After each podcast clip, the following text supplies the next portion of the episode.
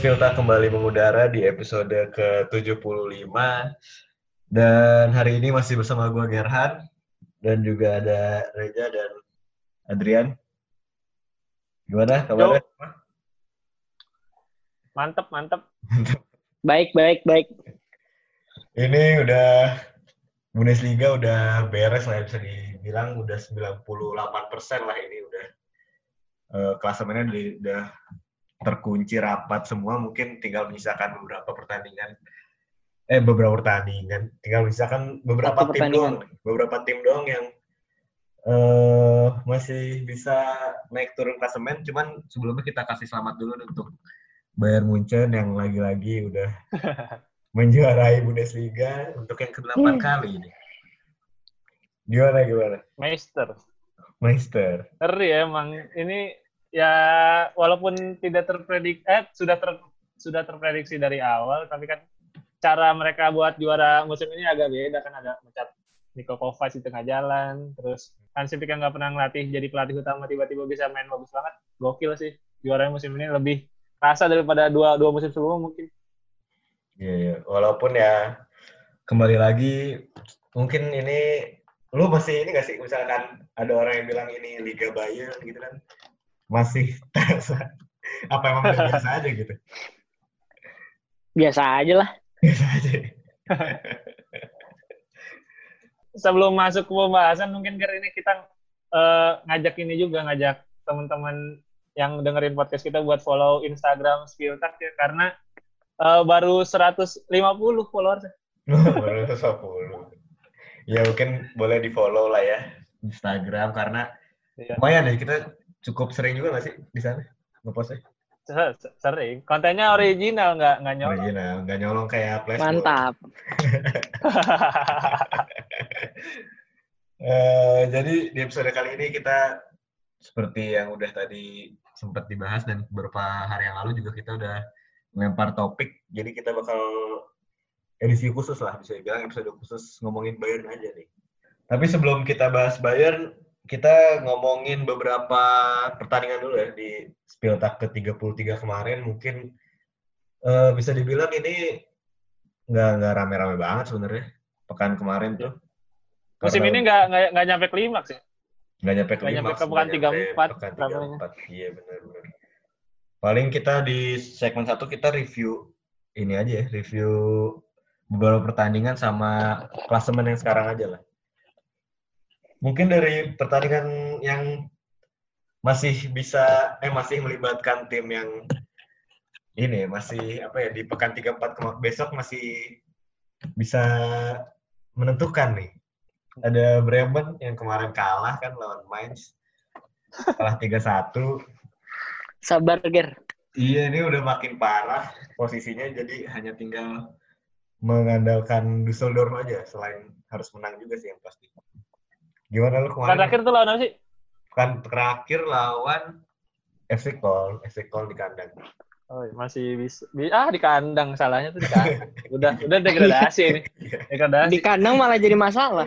iya. Enggak enggak sih dua-duanya enggak jadi masalah cuman cuman gue kesel banget sih kemarin sama Florian Kovel tuh di pertandingan lawan Mens ketika dia emang benar-benar butuh kemenangan gitu. Kalau Mens mau dia kalah di pertandingan itu juga peluang buat lolosnya masih gede karena pertandingan sebelumnya kan udah menang lawan Dortmund gitu ya. Cuma kan yang yeah. butuh kemenangan tuh Bremen. Tapi kalau lihat secara mentalitas menghadapin pertandingan bahkan dari sebelum mulai pertandingan dari lu lihat line up-nya aja udah kelihatan gitu siapa yang menang. Kalau lu lihat mens line up ada Botius, ada Onizivo, ada Faison, Mateta, pemain-pemain yang, yang tipikalnya nyerang banget gitu. Sedangkan hmm. kalau lihat di line up Bremen mereka main lumayan deep terus depannya cuma Leo Bittencourt, terus Osako sama uh, Joe Sargen. Sargen Sedangkan ya? pemain-pemain yang sebenarnya bisa jadi changernya itu nggak nggak main semua kan Fulkrug, Selke sama Rasika. Bahkan Rasika nggak main sama sekali kemarin. Iya, iya. Kayak masih eh nggak cedera juga ya baru main kemarin. Iya makanya kan. Iya benar-benar. Kalau lu gimana Tri? Melihat Bremen ini kan tinggal mengandalkan game week terakhir dan juga harus mengandalkan Dusseldorf nih. Masih ada harapan ya nih? Waduh, kalau udah nasibnya ada di tangan tim lain sih, ya realistisnya sih sulit ya. Iya. Cuman menurut gue ada ada apa ya? mungkin ada cerita musim ini dari Bremen ya itu terlalu lama berpegang sama pelatih yang ya bisa dibilang membawa angin segar ke Bremen lah si Florian Kohfeldt benar. itu kan. Mungkin Hmm. ya agak sulit untuk membuat keputusan karena ya itu kan udah merasa ada jasa dari Kohfeldt musim kemarin main bagus. Cuman ya di musim ini benar-benar anjlok dan gua rasa ada juga salah dari kebijakan transfer pemainnya enggak sih? Iya benar. Menurut gua kurang sih untuk kualitas. Maksudnya Bremen udah bagus musim kemarin tapi kalau nggak ditambah ya bakal dikejar sama tim-tim yang ada di levelnya Bremen gitu. Menurut gua sih itu yang terjadi dan eh, lawan Mainz kemarin ya membuktikan semua semua apa ya yang telah terjadi di musim ini bagi Bremen ya memang kurang lah di segala hal ya. Di segala hal. Iya, kurang segala hal. Terutama menurut Iya, gue bener. di bertahan sih. Iya, gue juga ngeliatnya awal musim Bremen justru belinya strikernya kan banyak banget tuh kemarin full crew. Terus juga Selke, Selke pertengahan Nah, sih. iya benar. yang menurut gua nggak penting-penting amat. Harusnya eh lebih diperdalam di lini belakang lah ya kan. Wingback kita Iya. lihat Gabriel Selassie udah umur 32 tahun gak ada backupnya gitu sampai sekarang. Ada itu lang. misalkan nggak bisa nggak jelas. Terus si Augustinson juga backupnya si Friedel, Augu- Augustinson dia cederanya udah enam bulan ya kalau nggak salah awal tuh Friedel jadi nggak ada backup. Terus di lini belakang juga malah ngelon Omer Toprak dan di tengah musim Kevin Kok nggak nggak berguna apa-apa. Tapi ya lebih Toprak sih udah parah sih. Iya lebih ke pelatihnya sih kalau gue bilang karena kalau lihat tim-tim kayak Berlin terus Mainz yang ganti pelatih di tengah musim akhir-akhirnya bisa ngedongkrak performa di tengah musim ya. Ba- Bahkan Fortuna Düsseldorf ya, yang roster juga lumayan sih kata gue. Sejak Iya. pergantian pelatih. Iya. Cuman kalau kalau lu bilang pelatih emang gue bener-bener gak nyangka sih Kovel bener-bener bisa sejauh ini. Mungkin kasusnya mirip sama Tedesco musim kemarin lah ya. Dari yang tadinya bagus tiba-tiba bener-bener Ya, ya. anjlok. Karena kalau lu lihat dari susunan pemain walaupun Bremen secara transfer nggak nggak beli pemain yang bagus gitu di mu- musim panas. Tapi kalau lu lihat skuadnya nih masih jauh lebih bagus daripada Union Berlin gitu. Masih Iya, masih lebih Iya.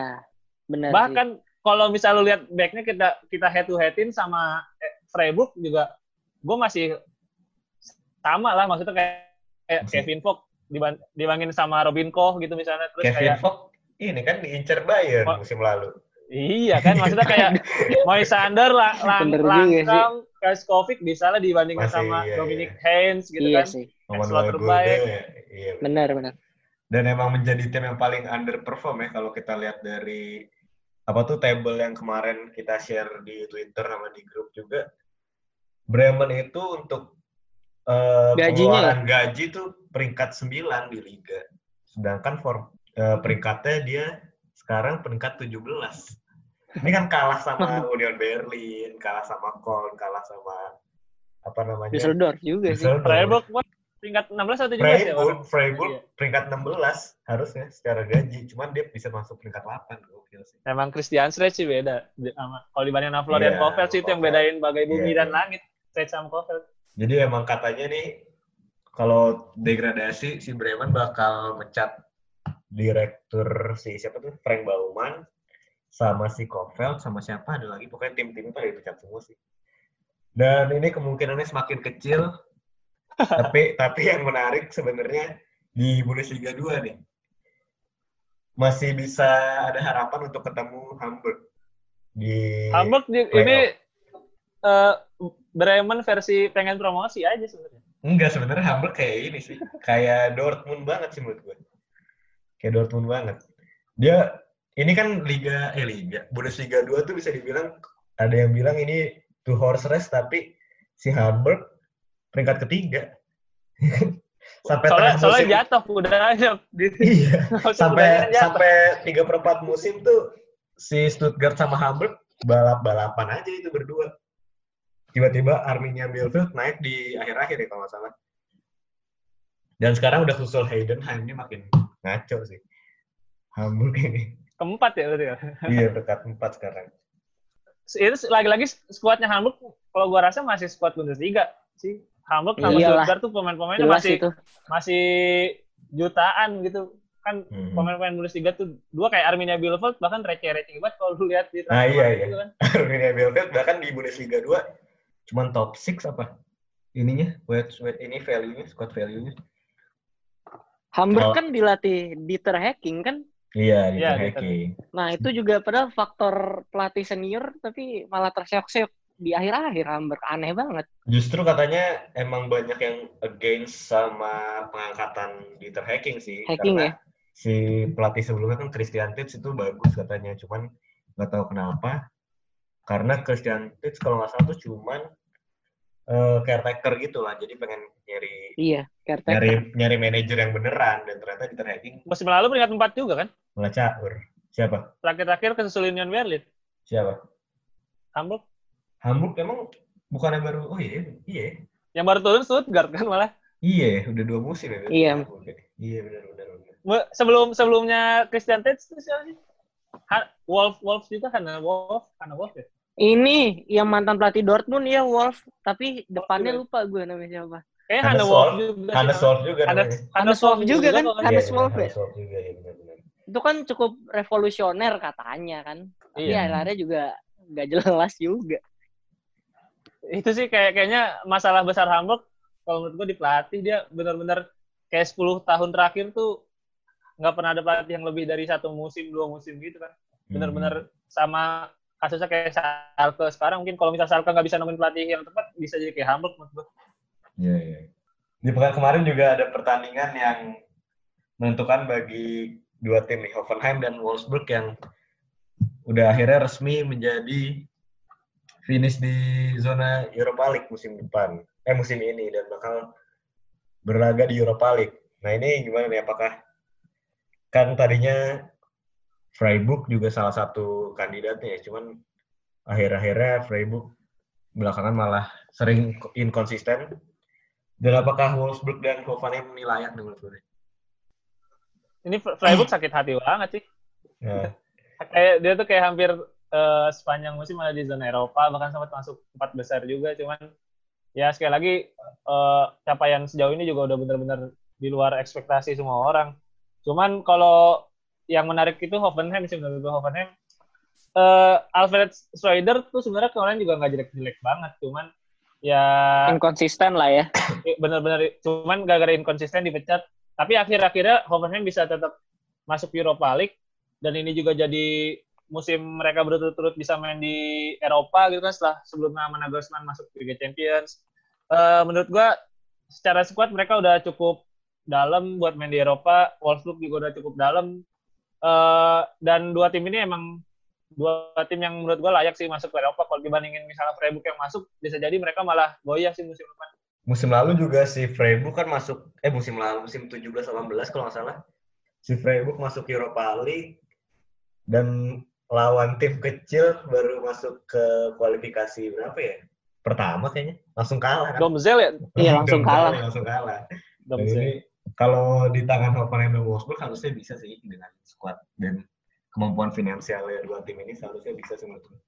Nggak malu-maluin banget. Mungkin kalau mau disambungin ke tadi Werder ya, ini kan Wolfsburg juga beberapa musim nggak begitu bagus kan. Mhm. Prestasinya juga naik turun. Cuman ya itu benar menemukan pelatih yang tepat gitu. Dan kalau dilihat lagi ini unik banget sih sebenarnya mainnya pakai kalau bisa dibilang dua target man ya, Weghorst, Ginczek. Terus juga pembeliannya macam Pongracic sama Embabu nih langsung nyetel banget nih. Bener-bener Iya, iya. apa yang kurang di Wolfsburg selama ini bisa keisi sama mereka. Dan ya sebenarnya sih pembeliannya juga jujur agak gak jelas sih kayak pemain-pemain kayak Joe Vitor, terus Iya, iya. ada Tisseron, terus ya itu tadi dua target man. Cuman ya memang kalau udah nemu pelatih yang cocok dengan skema mungkin yang menurut banyak orang agak aneh, ya tetap bisa berhasil sih. Itu bukti juga ternyata manajemennya bisa mengelola dari satu kesalahan jadi diperbaikin lagi di musim berikutnya gitu. Udah sih kalau dari pertandingan eh kemarin yang seru itu doang, cuman masih ada Dortmund juga Dortmund menang 2-0 lawan Leipzig dan udah pasti Dortmund bakal finish di posisi 2. Leipzig Ada juga hampir pasti di posisi ketiga. Udah Karena- pasti ya. Beda beda goal difference-nya jauh banget kan. Paling yang seru di pertandingan Tapi- terakhir tapi- nanti tinggal tinggal penentuan peringkat empatnya aja kan Leverkusen sama Gladbach.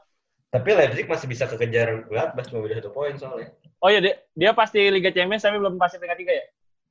Belum pasti peringkat Iya. 3, iya. Iya iya iya benar. Yang masih kejar-kejaran itu Leverkusen dan Gladbach nih beda dua poin doang. Eh, kalau dari Dortmund Leipzig ada yang mau dikomentarin nggak, Tri? Apa nggak usah nih? Ada sih. Kayaknya Matthew Morey lumayan juga ternyata. Oh benar. Timore, bener. Bagus Matthew bagus. Morey lumayan dan ini sebenarnya kekalahan lawan Dortmund ini menandakan bahwa paruh kedua yang paruh kedua musim yang buruk bagi Leipzig sih. Karena Hmm. ya gue ya kalau sebagai penikmat Bundesliga pasti berharap sama Julian Nagelsmann apalagi Leipzig ya bisa dibilang sumber dananya tidak terbatas ya dibanding klub Bundesliga lain cuman ternyata masih belum bisa untuk jadi pesaing Bayern lah. Cuman nih nggak apa-apa lah. Dortmund jadi runner up kan jatah. Liga Champions sudah fix banget jadi Udah santai nih Aman. minggu besok. udah santai bener Mainin Balerdi, mainin Marvin Hitz. bener Balerdi sebagai deep lying playmaker. mantap itu Ada satu lagi sebenarnya Bayern Munchen juga dengan tim keduanya bisa dibilangnya tim kedua kemarin menang lawan Freiburg 3-1. Ya walaupun tim kedua tuh masih ada Lewi sama Kimmich sih, jadi ya wajar ya. Iya. tadi benar. Cuman yang menarik mungkin ada beberapa debutan di Bayern Munchen, bahkan debutan termuda di sepanjang sejarah Bayern Munchen, Jamal Musiala. Lu nonton dari kemarin, Dri? nonton sih. Ya tapi ya gitulah Ger. Kalau udah sama-sama udah dia juara si Freiburgnya juga ya udah pakai tim lapis kedua Bayern aja masih diserang mulu. Jadi ya nggak ada yang begitu bisa dibicarakan sih. Cuman yang menarik ya itu Bayern bener-bener nurunin pemain macam Sarpritzing tuh dari awal gitu. Cuisance Hmm. juga dari awal tapi tetap bisa menang gitu Sven, U- Sven Ulreich dari awal ya. Sven Ulreich Iya, Sven Ulreich. dari awal. Backnya Javi Martinez. Masih aja menang gitu loh. Enggak itu itu gok- gokil sih si enggak gua gokilnya gini, Musiala, eh Batista Meyer yang kayak gitu-gitu, Zigze, si apa lagi tadi? Sarpetsing, Jong Woyon juga ada di bench kan. Eh, Oh, iya. cuman Iya. di di hari yang sama Bayern dua main Hmm. pakai pemain-pemain yang baru debut lagi dari Bayern bola Main 14 tiga. 16. Ah, Dan yang iya. debutnya juga langsung golin. Jadi emang bener-bener nih Bayern bener-bener nggak nggak untuk saat ini ya pemainnya tuh banyak banget dan bener-bener nggak ter- tersentuh sama tim. Gak habis-habis. Iya, Gak bakal iya. habis-habis itu. Ini menarik sih gimana struktur timnya Bayern ini udah kayak makin jago dan makin jago dan lagi-lagi selalu menang liga udah 8 kali berturut-turut kan ini semakin membuat Bayern semakin dikdaya lah. Dan ada pertanyaan yang menarik sebenarnya bagaimana untuk menghentikan Bayern ya kan di ke depannya. Mungkin kita bahas di segmen kedua aja ya.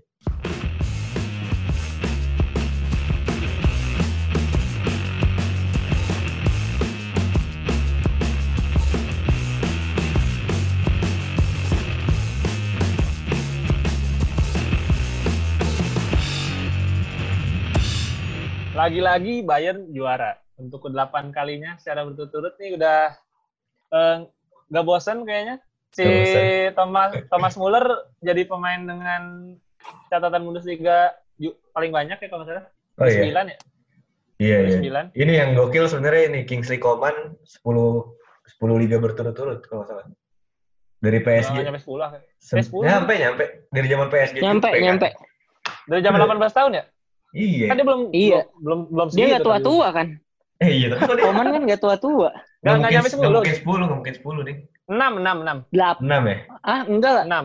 Bukannya lebih ya? 6, Dia- 6 kalau nggak 6, 7 lah. 6 ya? Iya. Pokoknya 18 Iya, tahun 6 atau lah 7 dia lah. Udah, udah selalu juara, gokil. Dia selalu Dan- juara dan- liga tiap musim kan. Heeh. Iya. Dan selain Muller di bawahnya kan juga masih ada nggak tahu sama apa masih di bawahnya satu Alaba, terus di bawahnya ada Lewandowski, Uh, dan hmm. kayaknya ini bakal jadi rekor yang bakalan sulit buat diputuskan dalam 10 atau 20 tahun ke depan kalau kita ngeliat dinastinya Bayern karena yeah. juga masih bakalan bisa nambah. Dan pertanyaan yang muncul tuh bagaimana cara 17 tim yang lain mematahkan dominasi Bayern? Ini kan sebenarnya pertanyaan sulit gitu. Dan kemarin Spieltag sudah melemparkan pertanyaan ini di Twitter dan mendapat 37 jawaban.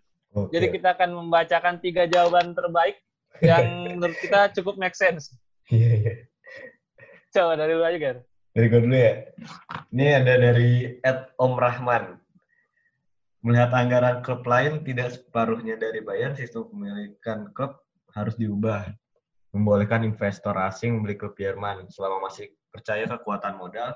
Setidaknya ini membuka cara lain menciptakan dominasi. Nah, jadi begitu. Oh, dia dua kali reply. Namun jelas mustahil. Toh Bayern juga punya peluang besar dibeli punya pemilik terkaya. Ya udahlah toh juara hanya salah satu aspek dalam sepak bola. Mungkin memang yang terpenting tapi cara yang mendapatkan kesenangan bisa lewat aspek lain. Dia, dia di awal ngasih solusi tapi di ujungnya pasrah. Ya berarti dia udah terhantam realitas ya dan ngeri, ngeri. kembali kepada akar rumput dari untuk apa sepak bola dimainkan kan bener bener, bener. boleh boleh coba Dri dari siapa Dri coba setelah gue cari-cari, gue nemu yang cukup lengkap nih. Dari Muhammad Irfan at Cupliswala. Faktornya bukan di Bayern, tapi klub rivalnya mau serius mengejar prestasi apa cuma jadi batu loncatan. Dari Wonderkid. Dia nawarin uh, opsi untuk stop jual aset potensial dengan harga mahal. Fokus kedalaman skuad dulu. Yang kedua, nyari pelatih top. Dan ketiga, mental dan motivasi pemain buat juara bukan di Bayern ini sih sebenarnya udah cukup apa ya menggambarkan situasi sepak bola di Jerman sih kalau menurut Iya. Yeah, yeah. Jadi cuma Bayern yang kuat, cuman faktor di luar Bayernnya juga lebih apa ya menguntungkan Bayern juga gitu. Benar. Jadi ya udah sulit gitu untuk dirubah dalam waktu dekat. Iya.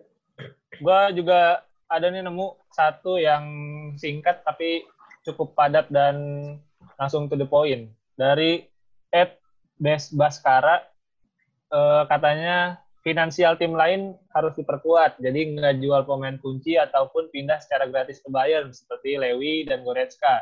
Munculnya pelatih baring oke, tapi balik lagi ke finansial sih untuk persaingan gelar. Kalau alasan pindah ke Bayern tantangan baru mah klise katanya. Iya, iya. Jadi bisa, bisa. paling banyak orang ber apa ya beralasan kalau finansial ini sangat berpengaruh buat tim-tim lain ya dan keberhasilannya si Bayern gitu. Iya sih. Cuman kan inti dari semua ini kenapa Bayern juara tuh karena Bayern jago. ya iya. di balik itu kan Gak ada bisa dipungkiri lagi. Ada faktor yang ini ya, ya, ya udah kayak iya, ma ma privilege, privilege orang kaya Benar. aja gitu. Iya. Privilege iya. orang kaya aja. Jadi dia lahirnya kita, kita tidak memulai di di titik yang sama kan. Iya, benar. Bahkan kayak tim-tim gede yang lain Hamburg, Stuttgart mau se waktu itu juara juga pada akhirnya kekuatan finansialnya nggak bisa sekuat Bayern juga kan. Tapi kalau kalau iya. menurut lu nih, Dri, hegemoni hmm. hegemoni Bayern ngerusak sepak bola Jerman nggak? Ini kan pertanyaan yang sering dikeluarin kalau selain ngelihat aspek juara dan ya ibaratnya dari penonton liga lain, menurut gue enggak sih. Soalnya hmm. ya itu tadi gitu. Ya harusnya ya mindset yang dirubah ya jangan mindset ya Bayern terlalu kuat cuman cuman tim-tim macam Dortmund, Leverkusen, terus Leipzig ya itu yang harus ibaratnya ya harus merubah mindsetnya untuk men-challenge Bayern bukan hanya sekedar ya udah deh kayak Dortmund yang penting bisa main Liga Champions yang penting bisa dapat profit ketika misalnya jual macam pemain kayak Aubameyang, Dembele kan dapat profit banyak tuh.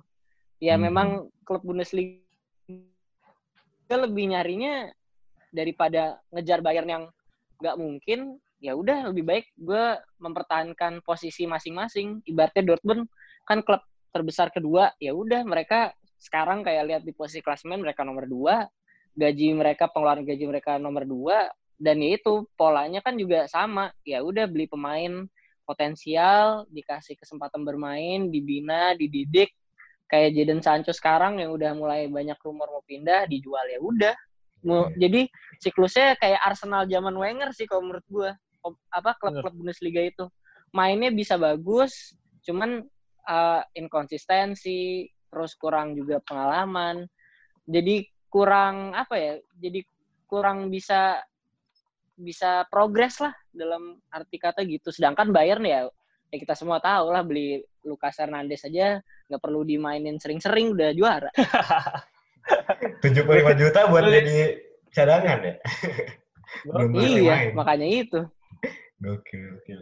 Tapi kalau lu lu perhatiin gitu ya, 8 gelarnya Bayern kan tidak terjadi dengan semalam gitu kan. Semua ini semuanya juga Iya, ada trigger, setuju. ada triggernya kan. Trigger triggernya tuh karena Jurgen Klopp tiba-tiba bisa bawa Dortmund bagus banget waktu itu kan. dua Dan- kali Iya. dua kali juara Dua kali masalahnya juara bro. Biasanya kan Hmm. Stuttgart cuma sekali, Wolfsburg cuma sekali, Bremen cuma sekali. Ini Jurgen Klopp bisa bawa dua musim berturut-turut dan itu jadi trigger buat Bayern. Dia bikin satu dinasti yang benar-benar hampir semua pemain yang main sekarang udah cukup lama gitu di Bayern kayak Lewandowski, terus ada Thomas Muller, ada Joshua Kimmich, ada David Alaba, Manuel Neuer. Ini kan pemain-pemain Hmm. yang sebenarnya udah lama semua matang dari lama kan.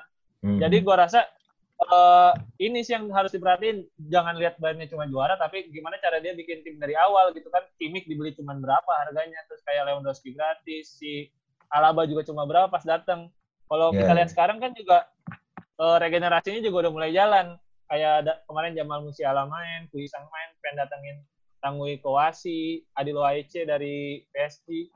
Benar. Jadi gua gua rasa ini sih yang harus dipelajarin dari Bayern karena secara struktur dan secara eh, konsep udah udah matang banget timnya. Iya, iya. iya. Kalau gue lihatnya emang bener sih apa butuh untuk ngalahin Bayern ya butuh eh, jangka apa ya perencanaan jangka panjang gitu nggak sekedar jadiin klub untuk jadi stepping stone bagi wonderkid aja kan kalau kita lihat sekarang mungkin emang sisi lainnya bagus ya untuk Bundesliga wonderkid pada mau ke Bundesliga gitu kan berkembang cuman ya apa untuk apa kalau emang ujung-ujungnya mereka pindah dalam dua atau tiga musim gitu. Jadi nggak ada yang punya ambisi besar untuk ngeganggu Bayern gitu. Jadi tapi tim-tim itu merasa jadi korban gitu loh ngelihat Bayern kayak gini ya kan.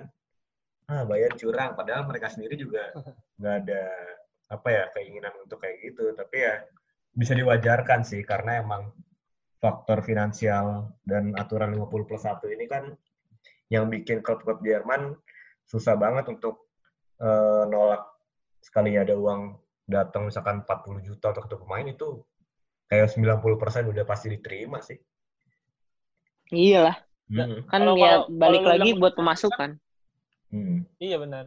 Cuman kan kalau misalnya lu bilang dari klub besar, ini juga menarik sih kalau dibilang nggak kompetitif. Bundesliga juga kalau lu bilang klub besar, hampir separuhnya yang di Bundesliga tuh bisa dibilang klub besar. Wolfsburg bisa Iya. dibilang klub besar gitu kan kayak eh Hoffenheim juga hitungannya juga klub klub yang mapan, RB Leipzig, terus ada Dortmund, Gladbach, Leverkusen, bahkan sebelumnya ada Bremen gitu. Jadi gua rasa sebenarnya beberapa klub udah ada yang di jalur yang tepat gitu secara konsep, secara dia punya eh, akademi, dia juga ngedatengin pelatih yang punya visi jangka panjang. Kalau menurut lu, Dri, siapa nih yang paling bisa mendekati Bayern dalam dua atau tiga musim ke depan?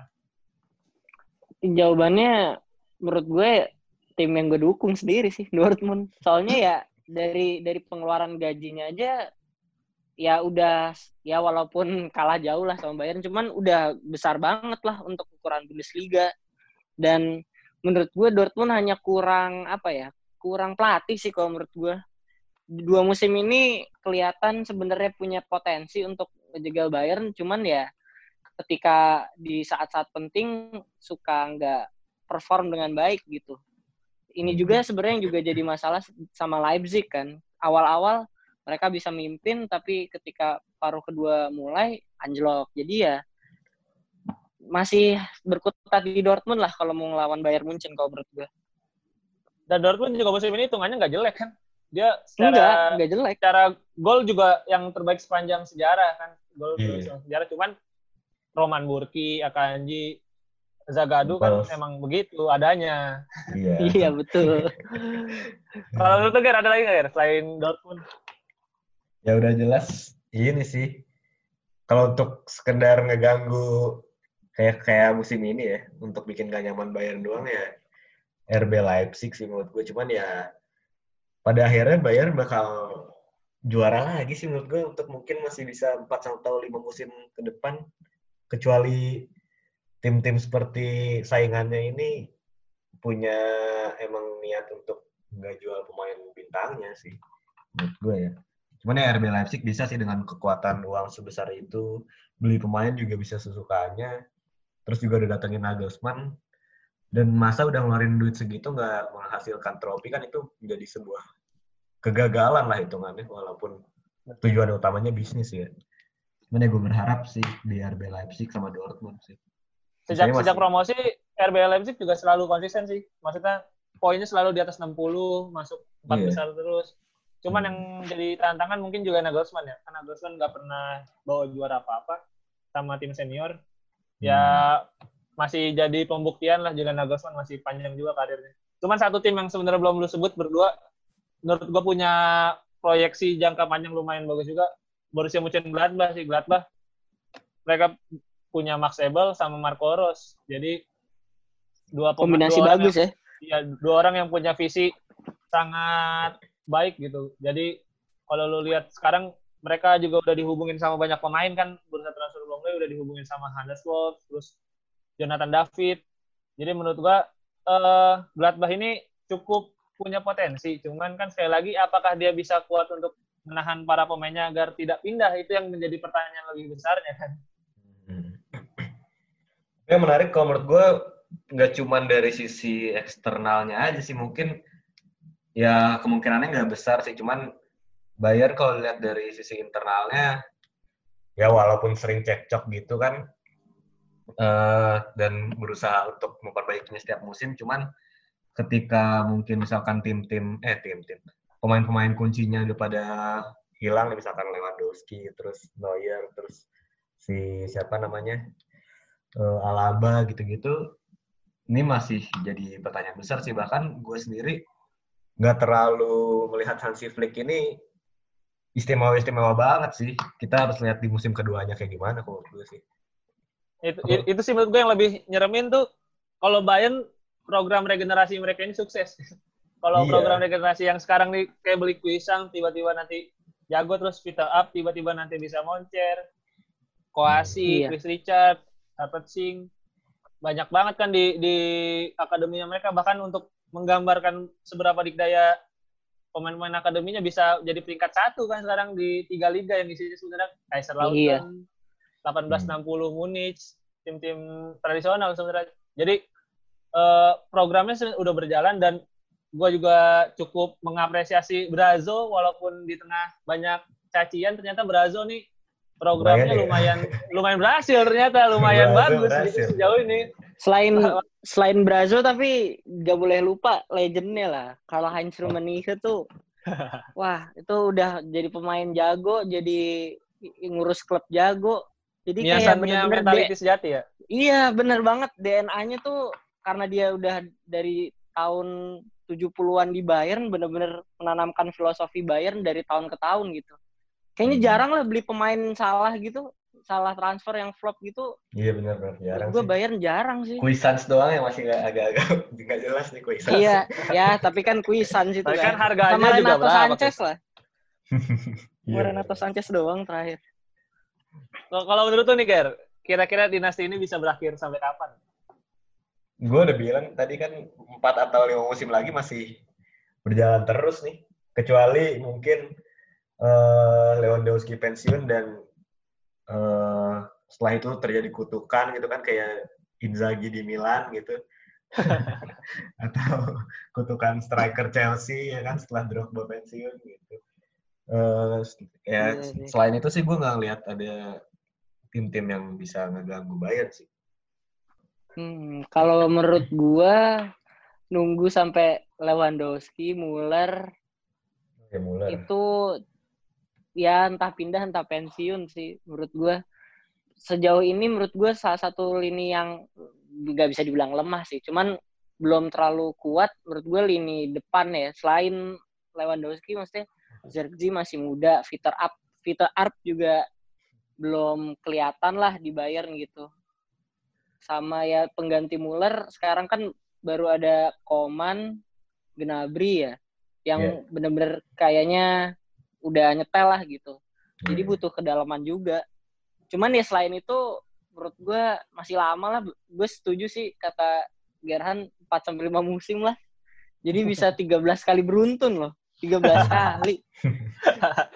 Tapi Tapi- tapi gue sebenarnya penganut paham bahwa sepak bola itu emang berputar aja gitu. Jadi emang ini dinasti tapi nggak nggak akan selamanya pasti Iya, pasti, nanti pasti. suatu Hmm. saat akan berakhir gitu. Cuman kan nggak tahu Tapi- kapan Hmm. karena Enggak sih. karena menurut enggak, menurut, menurut gua eh, emang emang bakal muter aja gitu karena kalau lu lihat dari tahun 2000 ke 2010 kan itu sebenarnya masa-masa yang bikin Bayern bisa jadi kayak sekarang. 2000 Iya. sampai 2010 itu kan masa-masa yang paling susah gitu sepanjang sejarah klubnya Bayern. Jadi wajar kalau mereka bisa berevolusi kayak sekarang. Dan kalau lu Hmm. lihat juga eh, di, di liga-liga lain gitu nggak eh, tiba-tiba aja gitu bisa jadi eh, dominasinya tuh patah kayak Olympiakos di Yunani, Basel Hmm. di, di di Swiss, terus apa lagi ya? Eh, Lyon, Juventus sih Lyon. nah Lyon, Lyon tiba-tiba PSG dibeli kan nggak ada yang tahu Iya. gitu. Jadi eh, nggak akan ada yang tahu. Cuman menurut gua kuncinya ada di Lewandowski. Kalau Lewandowski pensiun agak susah Iya. nyari yang kayak dia. Iya bener-bener. Walaupun ya cuma satu pemain doang gitu ya, Lewandowski doang, tapi sangat berpengaruh sih. Tapi menurut lu nih si Bayern Munchen ini kan juara terus 8 kali berturut-turut, apakah 50 plus 1 jadi ancaman nih? Udah gitu kan juga banyak tim yang misalkan musim ininya jelek, langsung terancam bangkrut gitu. 50 plus 1 kan banyak orang yang bilang ini jadi salah satu apa namanya yang melanggengkan Bayern lah karena Bayern udah dari dulu selalu kaya. Terus kalau kita lihat dari sejarahnya juga bahkan dari klasiker aja dulu bukan nama Dortmund ya kan? Iya Dari- sama Gladbach kalau nggak salah. rival-rivalnya Bayern tuh selalu ganti-ganti gitu.